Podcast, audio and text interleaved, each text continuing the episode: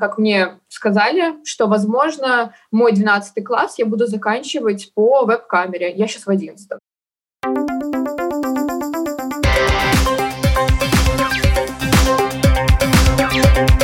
Поколение Z. Здравствуйте, с вами Марина Талапина. Это программа «Поколение Z», режиссер программы Даниэль Йоффе. И спасибо огромное, что нас слушаете, смотрите, пишите комментарии. Это очень важно для нас, обратная связь. Как всегда, вы можете видеть нас на канале YouTube, слушать нас на нашем э, латвийском э, радио 4, а также в интернете, на портале Facebook, Instagram вы можете нас искать. Ну и, конечно, можете также прослушивать наши программы в подкастах на всех платформах, в том числе и на Spotify, Apple, Google Podcasts. И э, мы уже поднимали тему, которую мы хотим э, сегодня обозначить, а обозначить мы хотим тему удаленки. По-моему, она э, на сегодняшний день стала неисчерпаема. И в этот раз нам предложила ее поднять Дарья Михаила. Даш, привет. Здравствуйте. А, и Даша поделилась со мной до эфира. Она хочет раскритиковать позицию министра образования Латвии и ее взглядов на обучение в школе. И мы уже обсуждали тему удаленного обучения. «Я туплю на удаленке», так называлась тема нашей программы. Этот подкаст, как я уже сказала, можно послушать и на Apple, и на Google, и в Spotify, и на других платформах. Но она настолько действительно серьезная и многогранна, как бы пафосно это не звучало, что можно снимать и записывать э, целый сериал на заданную тему. И что важно для нас, а, в основном ее в СМИ обсуждают взрослые, это чиновники, политики и родители, а у нас это обсуждают ребята. И поэтому тема сегодняшней программы называется «Я кричу тебе, политик, я туплю на удаленке».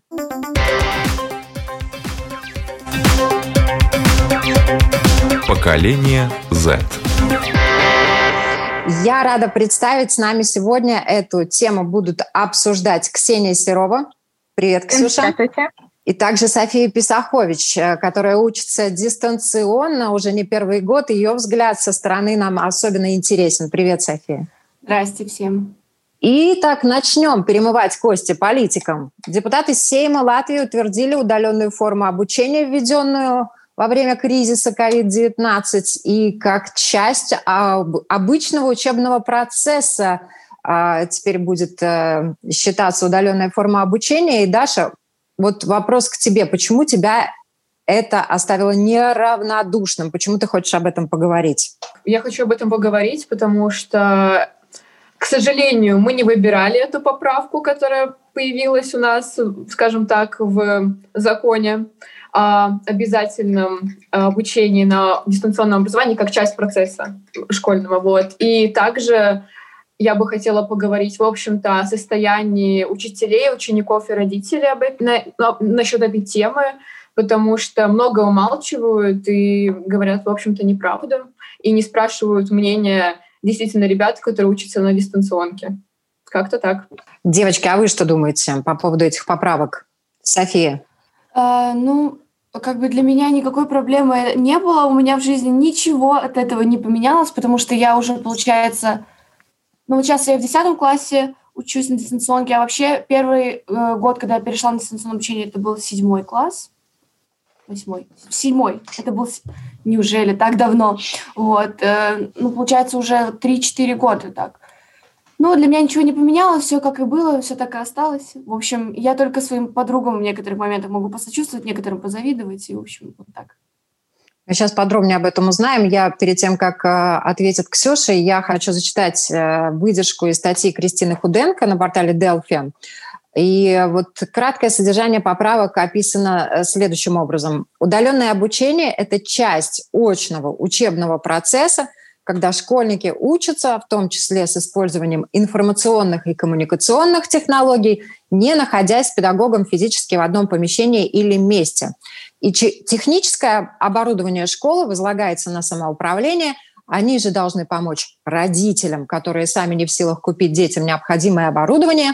При этом бюджеты самоуправления в этом году резко сократили, поэтому трудно представить, какая будет реакция, если родители в очередь выстроиться за компьютерами для детей. Ну, а за качеством процесса образования отвечают школы и министерство, как надзирающий орган, надзирает за процессом и направляет его.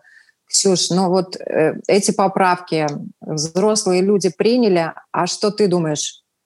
Я считаю, что, в принципе, идея обучения удаленно для всех очень удобна, но мне кажется, что мир еще не готов, и наша система образования не готова принять именно как закон э, в общем. Э, нужно было дольше это все проверять и тогда уже вводить. Ну, наверное, да, принимать закон после того, как это будет а, а, обработано, обкатано и введено. Я думаю, что даже согласиться, да? Um, я я думаю, у меня, у меня такая позиция на этот счет. Я согласна дистанционное обучение, пока это во время чрезвычайной ситуации, потому что у нас по 800 человек в день заболевают коронавирусом. Это действительно тяжело, ну, действительно очень сложный вопрос, но, к сожалению, не все довольны дистанционкой. И в том числе и я, мы ее не выбирали. И, следовательно, как мне сказали, что, возможно, мой 12 класс я буду заканчивать по веб-камере. Я сейчас в 11. То есть, эм, возможно, мы даже не выйдем в следующем году только из-за того, что старшую школу, в общем-то, хотят перевести на дистанционку. И что как бы немаловажно, что ну, школа — это же не только про знания и контрольные работы, это также про контакт, про социализацию и в принципе, навыки общения, навыки коммуникации, в общем-то, базовые, основные мы получаем именно в школе. Ну, учимся взаимодействовать с этой окружающей средой. А теперь как бы я не завидую ребятам, которые, допустим, в шестом, седьмом классе, потому что у них нет такой возможности. Я уже как бы в одиннадцатом, и действительно я проучила все эти года, и мне сейчас сложно в одиннадцатом классе. И я не представляю, каково ребятам, которые младше меня. Как-то так. Но эта тема эмоционального вот такого э, восприятия удаленного обучения, она тоже очень важна. Я предлагаю поговорить о ней во второй половине программы, а сейчас именно пройтись по э, техническим вопросам удаленного образования, с которыми вы сталкиваетесь. А София, например, уже живет, живет э, несколько лет, да? И э, перед тем, как вот про технический вопрос поговорить, я зачитаю э, комментарии, которые нам написали по поводу первой темы, да, удаленки. Вот а, Алена Дуб на Фейсбуке нам написала, э, что мне кажется, на удаленке многие тупят, не только школьники или студенты, а вообще, да, и все, кто удаленно работает в том числе.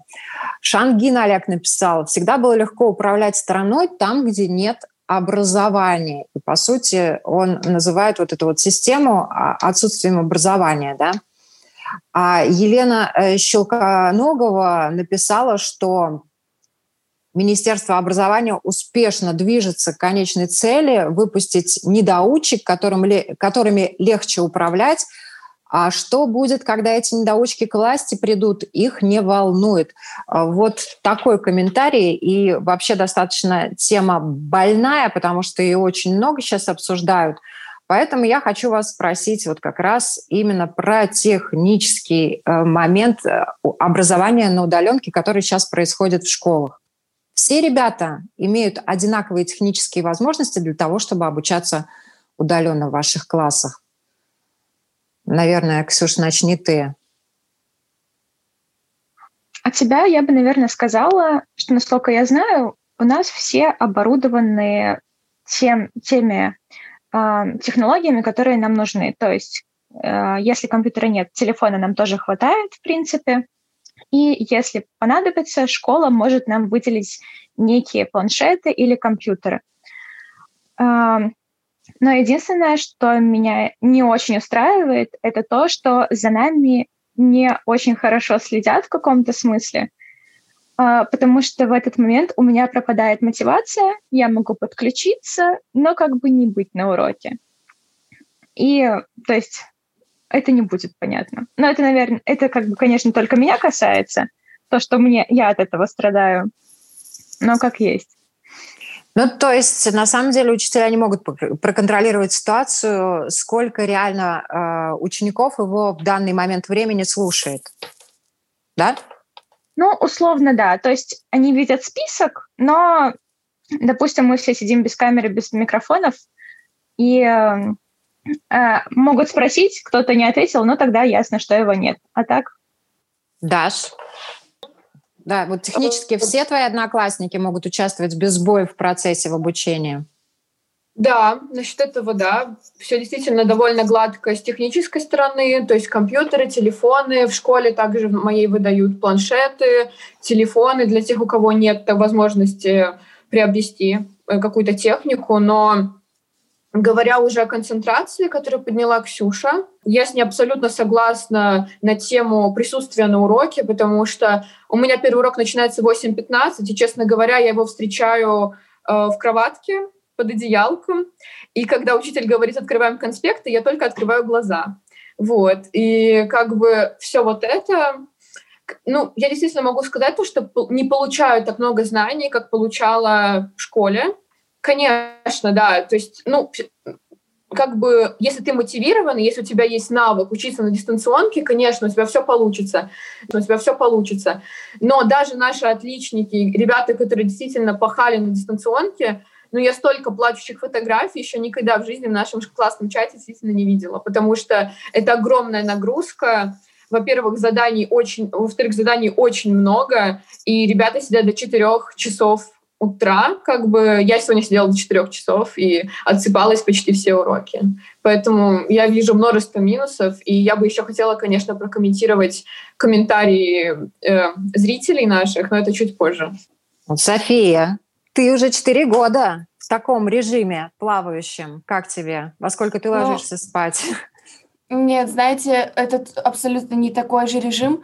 То, что как бы вот самая большая вообще проблема э, всего, все, всего этого дистанционного обучения в разных школах, обычных, которые, ну, обычно очные, да, их проблема в том, что никто не был к этому готов. Э, мне кажется, что особо в министерстве об этом как-то никто не запарился объяснить систему, э, придумать вообще эту систему, как обучать детей через... Э, ну, то есть они как подумали, ну, ставим те же самые уроки, только через онлайн, типа Zoom, там или что-то еще, там Microsoft Team еще используют. А, но на самом деле, как бы у меня нет уроков с учителем. То есть у меня есть учитель, но у меня нет с ним урока. То есть у меня только теория, какие-то видео, за записанные лекции, на которых еще можно присутствовать, но они типа два раза в месяц или один раз в месяц. Вот. Эм, у, у меня как бы в школе, у меня и в моей прошлой дистанционной школе, и в этой, в которой я сейчас учусь, Система отличается вообще полностью от того, что происходит сейчас э, вот, у обычных ребят из обычных школ на дистанционном обучении. Я считаю, что проблема в том, что нет никакой структуры образования, никто не позаботился о том, чтобы придумать, быстренько сообразить, как можно это все переделать, а не просто оставить те же самые уроки в Zoom. Это, это какой-то бред, если честно. Чего вообще можно ожидать от детей, которые и так не любят учиться в школе, типа? Ну, ну да. Мне, кстати, многие ребята рассказывают, что у педагогов иногда по 10 минут в начале урока уходит на то, чтобы загрузить презентацию. Да? Учителя не... Э, вот насколько, на ваш взгляд, учителя технически обеспечены, подкованы, продвинуты, чтобы качественно проводить урок? Ксюш, со всем уважением к учителям. Со всем уважением к учителям. У нас э, учителя совсем разные кто-то делает все, что он только может. Он действительно, а, если это какие-то уроки, где нужно проводить опыт, кто-то может его провести, кто-то может найти видео, где проводят этот опыт, что-то подобное. Но э, также у нас есть уроки, по которым не всегда проводят лекции, и иногда мы остаемся только с материалом э, из учебника, и как заставить себя это прочитать и усвоить, это тоже другой вопрос. У некоторых учителей а, в нашей ситуации происходит так, что мы не можем обратно зайти на лекцию, если вдруг пропадает интернет, такое тоже бывает. И в этом смысле, да, учителя по-разному подготовлены. Кто-то в счет возраста, кто-то в силу того, что у него нет ресурсов, например, попасть в школу и взять предметы. Даш, а у вас как происходит? Как ваши ну, учителя? Знаете, нашей школе нужно отдать должное за то, что они ну, действительно очень быстро организовали это все дистанционное обучение, потому что наша школа буквально за два дня или за три до начала ЧС они сделали огромную систему в Microsoft Teams, эту всю огромную ветку вот этих вот классов, учителей, календарь. И как бы я могу сказать, что наши учителя все, абсолютно все научились и с презентациями работать, и с микрофоном, и так далее. То есть и делятся экранами, все у них в порядке. И, наверное, это тоже от того, как школа подошла к этому. То есть у нас есть э, э, поддержка в школе, которой можно позвонить. Это наши информатики, наш офис, скажем так, где учителя помогают учителям и школьникам со всеми проблемами, которые только можно помочь. И ну, в этом смысле у нас все в порядке, и все уроки у нас проходят по э, календарю, следовательно, мы все заходим, у нас нет такого, что нам высылают только теорию и ознакомьтесь как бы. Нет, как бы все учителя ведут уроки, и ну, всех какими-то презентациями и так далее. Только спорт у нас как бы проходит, нам присылают либо видео, либо контрольные работы с видео. Поэтому действительно хочу похвалить наших учителей за такие навыки, которые они очень, которым они очень быстро обучились. Давайте сыграем в игру учитель в классе и учитель онлайн. Э, найди 10 отличий. Вот 10 отличий, каждый называет плюс-минус там 3, но чтобы это, э, эти отличия не повторялись. Даже давай с тебя. Тебе бонус. Твоя тема, тебе бонус. Um, ну, во-первых, нет никакого скажем так, никакой коммуникации нормальной, скажем так, потому что в любой момент может что-то начать трескаться и так далее. Нет контакта и, ну, именно глаз, что, наверное, довольно очень, ну, что, наверное, важно. И, не знаю, третье отличие. У нас как-то, ну, как-то я не заметила, только если говорить о присутствии, ну, так сказать, очном, а так все. В принципе, Лекции проводят так же, уроки проводят так же. Это также интересно. Да. Также вклю... вы включены в процесс. Скажем так, э, те уроки... Ну, в школе я должна была сидеть на всех уроках. Скажем ну, так, да. предположим, какая-то химия. Мне, честно, извините, Светлана Вячеславовна, не особо нужна. И, ну, я не претендую на ни, никуда идти на химию, поэтому на химии я могу немного немножко уменьшить звук и параллельно посмотреть что-нибудь, потому что, ну, вот это единственное. То есть я должна была сидеть на всех уроках в школе обязательно, то есть за партой учиться, а сейчас я могу выбрать, какой, какому уроку я хочу посвятить больше времени и какой урок хочу больше послушать. И также решить, что я очень-очень устала, выключить микрофон, выключить камеру и полежать. Наверное, это больше минус. Ксюш, София, 10 отличий да. Я бы хотела, наверное, отметить с человеческой стороны, что учителя сейчас очень много работают, действительно в несколько раз больше, чем они даже должны. И иногда бывают уставшие, но в этот момент как бы мы на одной волне, и э, вот тогда мы друг друга понимаем. Ну, просто очень видно, что особенно вот сейчас, под конец семестра, у них тоже безумно много работы, и все выживают как могут. София, что для тебя э, вот изменилось, когда ты с очного обучения из школы перешла на дистанционное обучение? Ну, на самом деле, это было так давно, что уже тяжело так прям вспомнить. Тем более, я была совсем еще типа ребенком, когда я переходила. но для меня ну, что изменилось? Все изменилось. Э, больше не ходила в школу, но часто как бы был такой вопрос у взрослых – не у моих родителей, но как бы у других людей, типа, а как же социализация? Ну, для меня в этом проблемы я не нахожу. Я не особо и в школе-то социализировалась, мне там было некомфортно с ребятами, с которыми... Ну, как бы, это такая странная социализация, то есть мне было неприятно там ни с кем особо общаться, поэтому я просто ушла из школы и нашла себе людей в других местах, с которыми мне интересно общаться, в каких-то кружках. Вот, и друзья у меня некоторые школы тоже остались, они никуда не пропали, они до сих пор есть.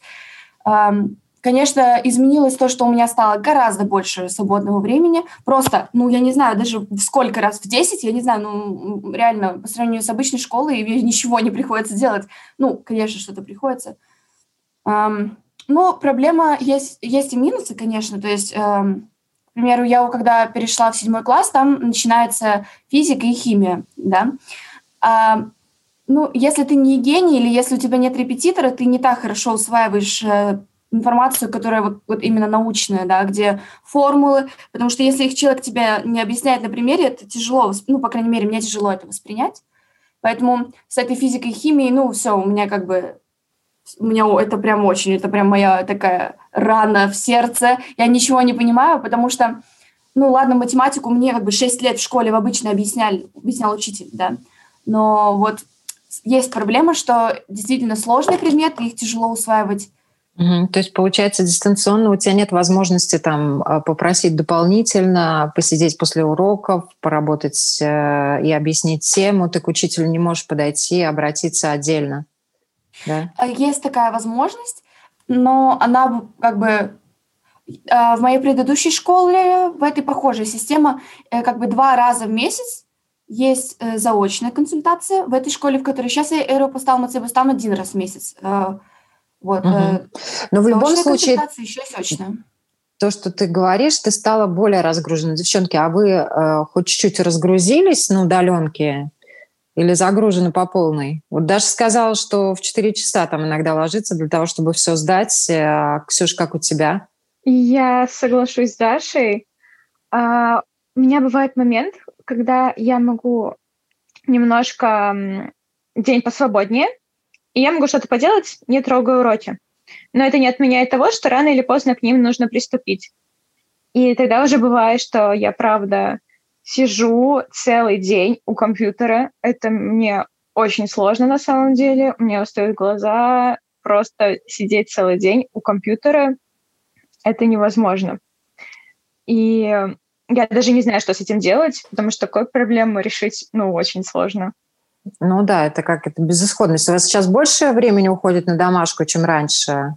У меня сейчас, в принципе, э, момент, когда мне нужно готовить все уроки, то есть я заканчиваю сейчас школу, у меня последний класс, поэтому да, я очень за ними слежу и делаю все. И на это нужно больше времени, чтобы подготовить, подготовить это и подготовить хорошо. Да, угу. ну, у меня очень много времени уходит. Даша, ты, наверное, тоже, да? Ты у нас человек мотивированный. Да, довольно много. И еще учитывая, что я пропустила две недели школы по причине того, что я была в больнице, то заданий накопилось еще больше. И я смотрю на вот эти вот 20 долгов и думаю, господи, помоги мне это сдать. Потому что ну, оценки у нас составляют 11 числа, то есть завтра. Следовательно, сегодня еще одна ночь без сна. да, но я как бы настроена, что ну, я учусь, я стараюсь, и как бы я очень, ну, понимаю учителей, и, в общем-то, я бы хотела также сейчас в рамках этой программы обсудить именно сторону поправки и вопросы учителей. Вот, как-то так. И могу ли я э, сказать свою позицию по, этому, по этой теме? Давай, бомби. Хорошо, договорились. Так, эм, Поправку приняли, никого не спросив. И одна из теорий, почему приняли эту поправку для меня, а, это а, такая тема, как учителя в нашей стране. А, честно говоря, если мы все перейдем на удаленное обучение, предположим, средняя школа, это получается 10-12 класс, да, то по чесноку на всю Латвию нужно будет, ну, предположим, возьмем математику. Учителей 20. Эм, учитывая то, что наше государство практиковало вот это вот по телевидению показывание уроков и так далее, и, возможно, они будут просто загружать файлы с видео, да, и это приведет к массовому увольнению учителей. А зная, что минимальная зарплата, вообще зарплата учителей это 429 евро до 914 евро, и при этом самый высокий высокий, ну, эту самую высокую зарплату можно добиться только тем, что ваши ученики там, не знаю, в Олимпиадах, ЗПД и во всех активностях участвуют, то ну, учителя не становятся миллионерами к пенсии, не могут себе нажить на безбедную, так сказать, безбедную, ну, безбедную старость. И, следовательно, ну, наше Министерство образования делает все, чтобы, во-первых, сократить количество ну, учителей, следовательно, количество зарплат, и также ну, вырастить, возможно, не очень э, умное поколение, потому что ну, учитывая то, что наше Министерство образования творит, и даже что говорила наша министр образования, что в университеты теперь, она не хочет, чтобы в университеты принимали с оценкой э, ниже, чем 7.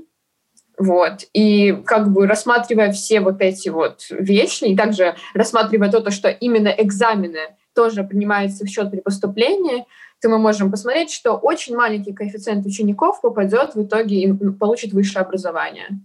То есть, следовательно, как бы все это приводит к, к очень плохим последствиям, и также это очень э, демотивирует э, ребят, которые заканчивают школу, другие поколения, потому что никто в Латвии не стремится идти на учителя. Я не слышала еще ни одного миллениала или ребят по ну вот бы, то, что касается сокращения учителей, я позволю себе, наверное, с тобой не, сокра... Э, не согласиться, потому что в Министерстве образования уже давно тоже говорят, что у нас в стране по многим предметам э, учителей не хватает, да, и вот как раз что удаленная система позволит школам заключать договоры между собой. Если кому-то не хватает учителей, то учитель ведет там условно не на один класс э, урок, а на несколько классов в разных школах. Я это да. рассматриваю как перспективу, которая будет в будущем. На данный момент, да, у нас все происходит так. Но никто не отменяет того, что через пару лет э, ну, это все может очень развиться, и в итоге останется так, что э, наше министерство сделает э, вывод, что так много учителей не нужно, что можно записывать уроки, можно записывать одну э, женщину, которая всем будет просто вести уроки. Да. Ксюш, твои мысли? А, я об этом не задумывалась на самом деле, именно по поводу учителей. Но я, наверное, соглашусь с этим, потому что сейчас многие учителя уже уходят, несмотря на то, что их не хватает. А, они, опять же, уходят многие на пенсию, потому что учителя наши в обычных государственных школах в основном уже там нет молодых учителей. Так же, как никто не хочет идти на учителя учиться, так они и не хотели уже долгое время. Поэтому у нас и будет пропадать э, количество учителей. Угу. София, а что вот с учителями на дистанционном образовании? Я так поняла, а... что ты с ними особенно не общаешься, и их, скорее всего, не так много, да? Не, ну как, они есть. В моей, в моей вот этой школе учатся типа 3000 человек, поэтому, конечно, по одному предмету примерно, не знаю, учителей 4 или, может, 5. Ну, в общем, есть учителя. Я просто хочу э, немножко поговорить тоже на эту тему, которую только что зацепили по поводу того, что э, закон приняли для, э, с мотивацией, чтобы стало меньше учителей. Закон приняли, как мне, как я это вижу, его приняли, потому что больше нет вариантов, потому что, ну, как бы, коронавирус, я понимаю, что, может быть, да, и для детей, и для подростков он не опасен, но они приходят домой к бабушкам, к мамам, и также они учатся в классе с учителями, которые в основном чаще всего это люди пожилые. А, не то чтобы тем более государству максимально невыгодно, чтобы люди теряли свои рабочие места, потому что ну, безработица, это не классно. Это... То, что касается вот э, вопрос э, еще один в связи с этим именно законодательством, вот Министерство образования говорят о том, что образование на удаленке, оно способствует самостоятельному обучению. Вот насколько э, вы продвинулись в самостоятельном обучении? Эм, сначала я хочу уточнить кое-что. Мы рассматриваем на данный момент не ситуацию ЧС, да, ЧС это не обсуждается. Никто во время ковида в школу идти не собирается. Мы говорим конкретно о том, что приняли поправку в законе на тему удаленного образования. Следовательно, да. когда уже ковида не будет, или он будет в таких количествах, опять же, по 10-20 человек, как обычная другая болезнь, или еще тем более прививка, то мы рассматриваем то, что возможно всех ребят и что очень э, возможно 10-12 э, класс переведут на такое обучение. Поэтому э, как бы про э, пандемию я ничего не говорю, я согласна. Я сейчас согласна только дома сидеть и как бы прятаться. Но говоря уже, когда это все пройдет, я не хочу заканчивать свой 12 класс на дистанционке. Ну вот э, то, что касается дистанционки, частичное э, удаленное обучение, как это было, наверное, в начале года, да, там три недели учатся, четвертую дома. Э, или там, я не знаю, раз в неделю, один день в неделю дома, четыре дня в школе, да, а на таком а, вот э, удаленном режиме вы готовы работать? Вам было бы интересно, это актуально, потому что на самом деле действительно технологии в нашу жизнь пришли. И каждый раз приходить в школу, может быть, не всегда это имеет смысл. Но тут вот одна большая проблема, что э, ко всей этой истории наша система образования, наши преподаватели, наши родители и наши ученики в том числе, кто находится на очном обучении, они не были готовы, да, и система сама не готова. Если говорить про на каких, на каких условиях мы были бы согласны учиться, то, конечно, предположим, неделя и два дня дистанционки или один день удаленного обучения было бы прекрасно, потому что это как минимум один свободный день, ну или когда ты просто дома находишься. Такую схему хотели взять в нашей школе, по-моему, это схема Б, да, по министерству, э, министерстве, так. Э, но что я хочу сказать про Министерство образования, оно совершенно не помогает школам с этой системой. И это огромная проблема. Один из самых громких случаев, который случился недавно, это то, что Министерство образования отправило инспекцию латышского языка в одну из школ, и, ну, прям вовремя, прям вот очень. И что немаловажно, Министерство образования, когда случался COVID конкретно в моей школе, что происходило действительно активно, то Министерство образования просто позвонило и сказало, ну вы там сами справитесь как-то, ну вот. И, ну, как бы никакую поддержку с этим всем не оказывают. Просто говорят, справитесь сами. И потом... Ну, наверное, Дашенька, мы все истории не знаем по той простой причине, mm-hmm. что все-таки это тема учителей, и обсуждать ее без учителей не совсем корректно, да. Учителя все-таки обмениваются между собой опытом, они свои вебинары проводят и так далее. И, э, конечно, вот э, интересно услышать то, что вам учителя вообще успевают звонить? Я знаю, что они действительно сейчас э, зашиваются. Да? Они с вами как-то лично общаются или уже этого общения вообще практически нет, кроме как на уроках во время лекций, во время занятий?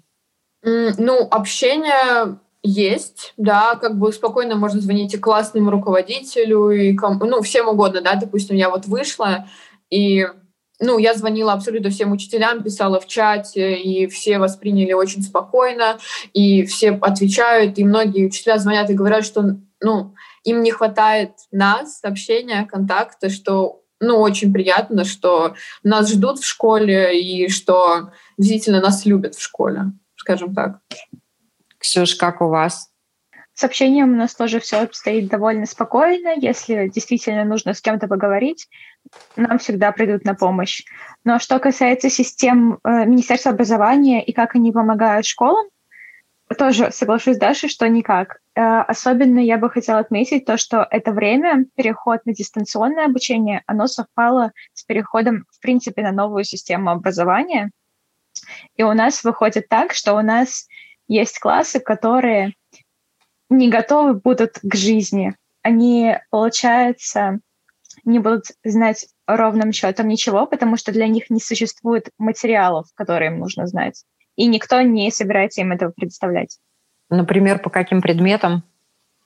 Ну, я знаю, что, например, сейчас введены условно новые темы по математике. Э, летом позвонили учителям, вы должны это преподавать.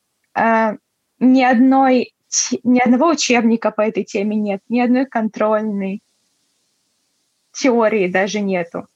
Просто mm-hmm. ничего.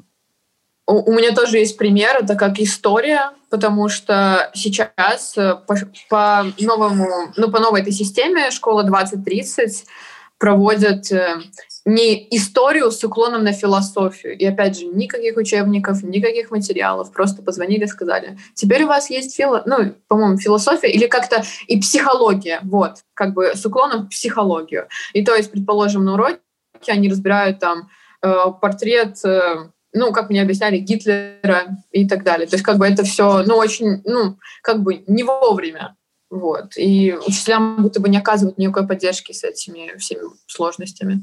Э, София, я хочу тебя спросить по поводу вот этого э, потребности, которую обозначили девочки, да, ну вот у них есть живое общение с учителями, пускай там не глаза в глаза, но смс, телефон. А у тебя есть такая возможность? Тебе это надо на твоем дистанционном обучении? Я вообще, наверное, в силу того, что я давно не учусь в обычной школе, не понимаю, что это значит личное общение с учителями. У меня такого и в обычной школе не было. Ну, я училась в Рижской Зольтовской гимназии, там как бы очень много детей, поэтому, наверное, опять же, какого-то личного прям общения с учителями, ну, не возникало особо, только по делу. Ну, не, как бы есть люди, которые как бы и в этих школах находят общий язык, но у меня такие проблемы с латышским небольшие, вот, а учителя все, ну, ну, в общем-то, я, не, я вообще не очень даже понимаю, смысл? Ну, просто, я не знаю, для меня это что-то другое. В моей жизни этого не было никогда. Это, ну, это вообще не проблема, да, я так понимаю. А интересно э, спросить у вас, э, вот какое... У меня создается впечатление, что дистанционное образование, там уже больше каждый сам за себя. Да? Удаленное образование, каждый сам за себя. И если он лично мотивирован, ему что-то интересно, то он учится. И учится не только получая задания от учителей, ну и самостоятельно, и там репетиторов родителей, если могут себе позволить, наймут и так далее. Да? Но это мое впечатление. А у вас?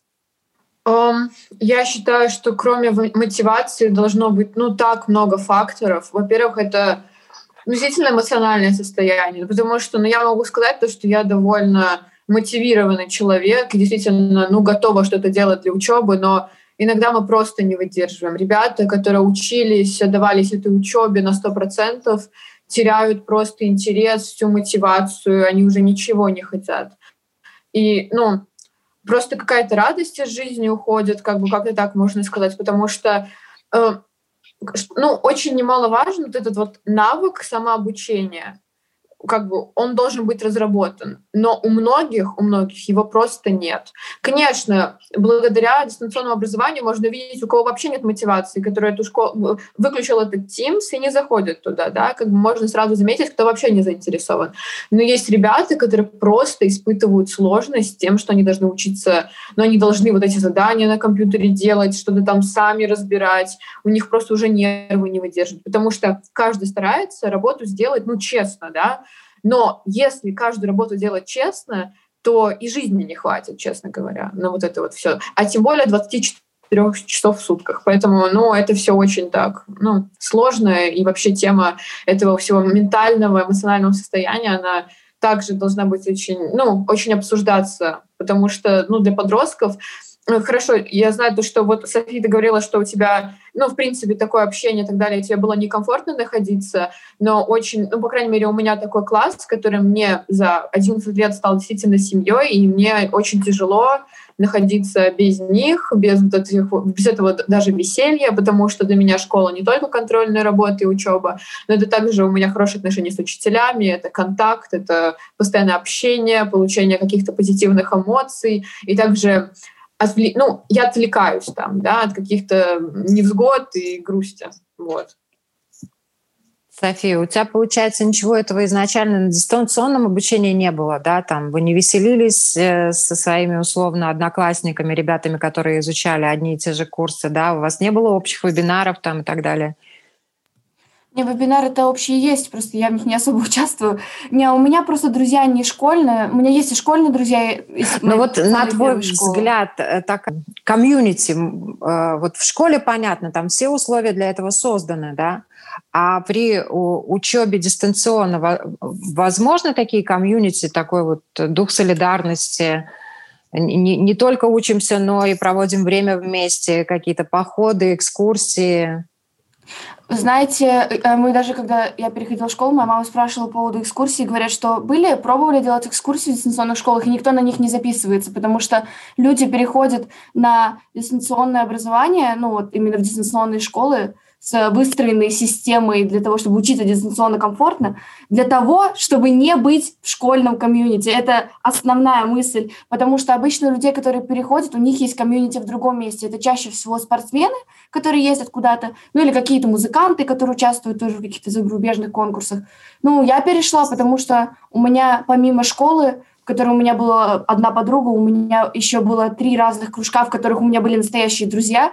У меня с этим проблем нет, я с ними общаю, общала, ну, как бы общалась вне школы, ушла из школы, общаюсь также, типа, не знаю. Ох, мы сейчас перешли к вопросу именно такому эмоциональному. Ксюша, на твой взгляд, вот что школьники, учителя теряют? Они, безусловно, теряют эту близость, потому что, как-никак, какая социализация между собой важна. И из-за того, что мы все сидим дома, нас очень давит наше окружение. От этого не уйти. Но сложности само, самого этого обучения э, я вернусь к словам Даши о том, что я никогда не видела столько грустных глаз на дистанционке.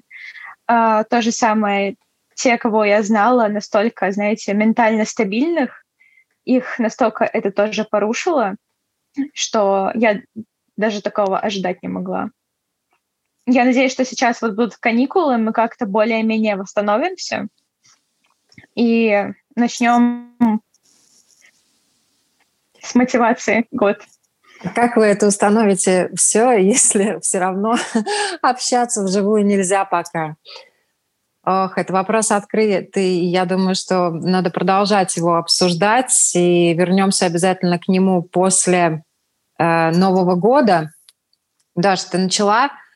Благодаря тебе, благодаря тебе мы ее снова подняли. Вот э, давай ты завершай, резюмируй. То есть система технически не готова, правильно?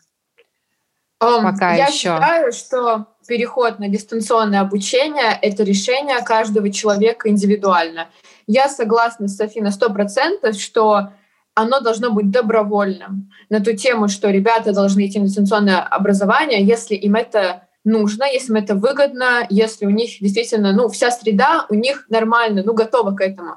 Если ребята хотят учиться в школе, социализироваться в школе, учиться в школе, то к сожалению, эта проправка для них просто не работает. Вот, это мое заключение, и я надеюсь, что никого им не обидела. Вот, как-то так. Ксюша?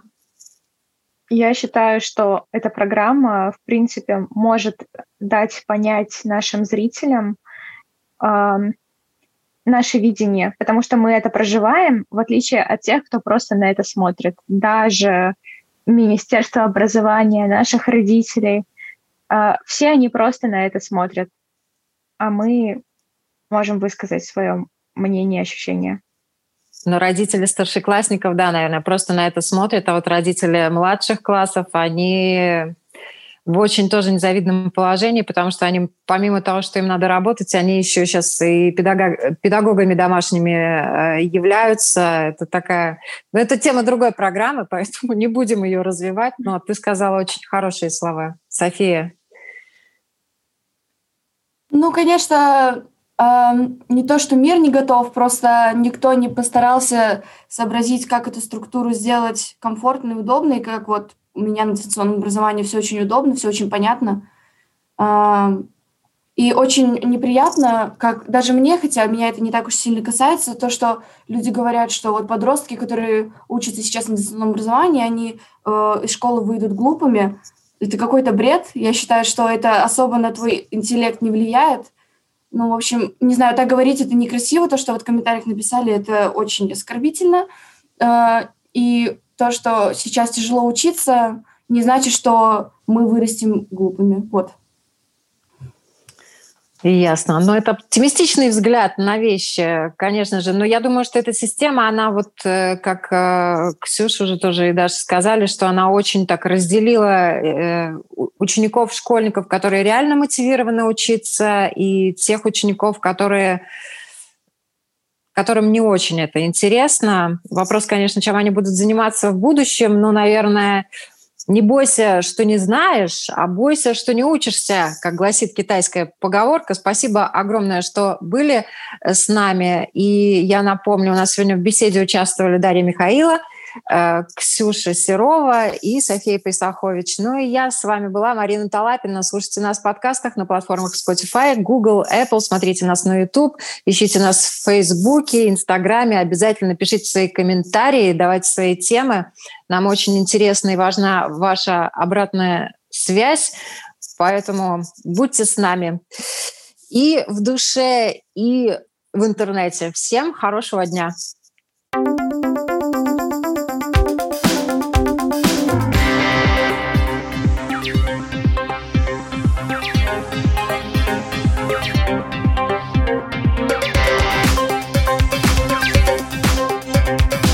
Поколение Z.